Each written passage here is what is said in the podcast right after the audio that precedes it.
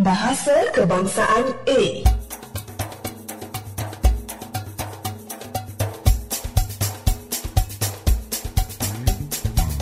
Bahasa Melayu di Malaysia dan di Indonesia berteraskan bahasa Melayu dialek Johor Riau. Dialek ini telah dipilih kerana mempunyai ciri-ciri bahasa yang memenuhi piawaian dan diperakui oleh penutur-penutur dialek lain sebagai lebih bersistem, mudah dipelajari dan juga mudah disebut. Bahasa Melayu dialek Johor Riau ini telah berkembang berasingan antara Indonesia dan Malaysia. Indonesia telah membakukan bahasa Melayu dialek Johor Riau itu sebaik sahaja bahasa itu dijadikan bahasa rasmi dan bahasa kebangsaan Indonesia. Percubaan untuk membakukan bahasa Melayu dibuat dengan bersungguh-sungguh dalam tahun 1972 apabila Majlis Bahasa Indonesia Malaysia atau MBIM telah ditubuhkan antara Indonesia dan Malaysia.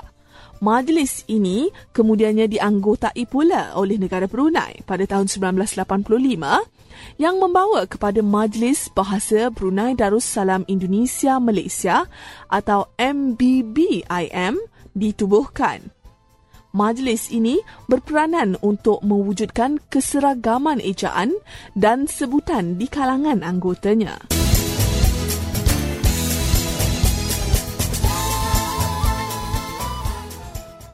Bahasa Kebangsaan A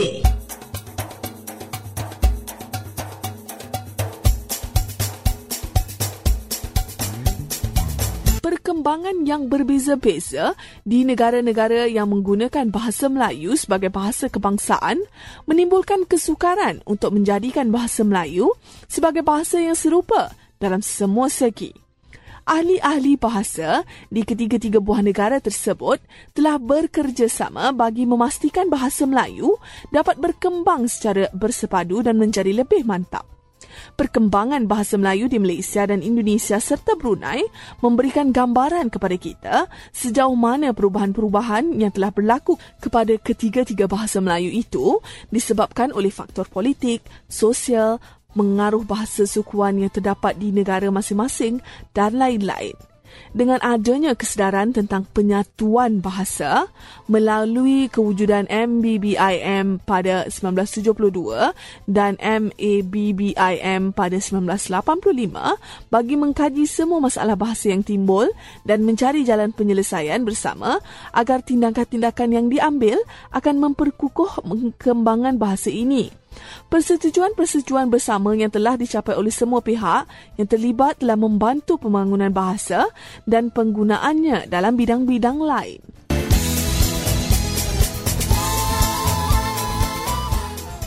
Bahasa Kebangsaan A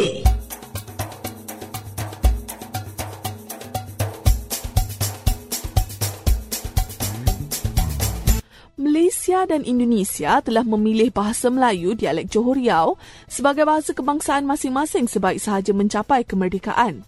Indonesia mencapai kemerdekaannya 10 tahun lebih awal daripada Malaysia dan telah memajukan bahasa Melayu Johor Riau itu sebagai bahasa Indonesia dengan caranya yang tersendiri.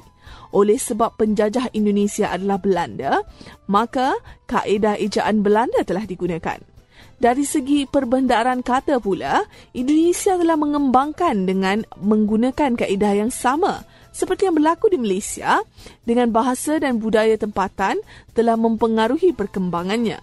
Selain meminjam bahasa-bahasa asing seperti bahasa Belanda dan bahasa Inggeris, terdapat juga bahasa-bahasa atau perkataan-perkataan yang diambil daripada bahasa sukuan bangsa yang terdapat di Indonesia, misalnya bahasa Jawa.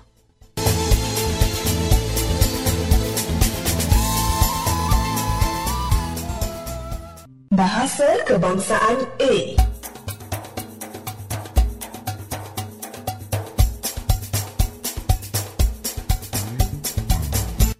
Malaysia juga telah memilih bahasa Melayu Johor Riau sebagai bahasa kebangsaannya dan bahasa Melayu itu pula berkembang sebagai bahasa Malaysia.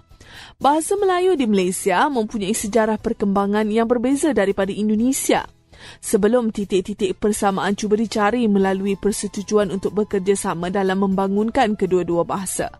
Pada mulanya, bahasa Melayu di Malaysia mengekalkan nama bahasa Melayu. Tetapi kemudian telah mengambil identiti baru sebagai bahasa Malaysia dengan tujuan untuk membentuk perpaduan rakyat melalui bahasa perkembangan bahasa Melayu di Malaysia telah mengambil pola yang sama seperti di Indonesia.